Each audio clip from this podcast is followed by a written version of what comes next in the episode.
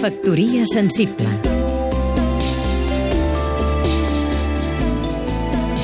Vicenç Altaió, escriptor S'acaba de fer un dipòsit de primer ordre al Museu Nacional d'Art de Catalunya, La Cabra de Joan Pons, del 1951.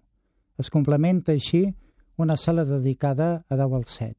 La cabra de Joan Pons sempre m'ha fet pensar en l'asa de Joan Miró i l'efecte que va provocar davant d'un públic adotzenat que es delectava a aquella època en la pintura estraperlista, la que amb el franquisme s'havia imposat de nou en un retorn cap al noucentisme i impressionisme, havent desterrat i exiliat, si més no, l'esperit d'avantguarda que havia acompanyat el republicanisme i el catalanisme.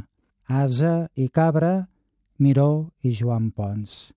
Miró havia pintat l'Asa i publicat a la revista noucentista La Revista.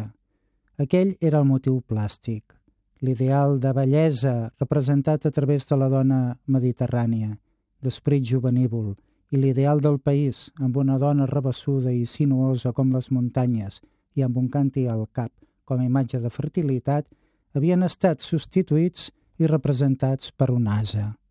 Pons pintà la cabra poc més, poc menys, a l'edat mateixa que Miró, prop dels 25 anys, havia dibuixat l'asa. El canvi de context històric és diferent. En un cas som a les primeries dels 50, després de la dura repressió franquista i la imposició de la castellania i la creu. L'altre, en el marc del noucentisme.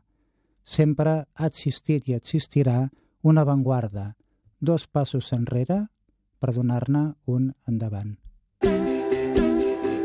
Factoria sensible. Seguim-nos també a catradio.cat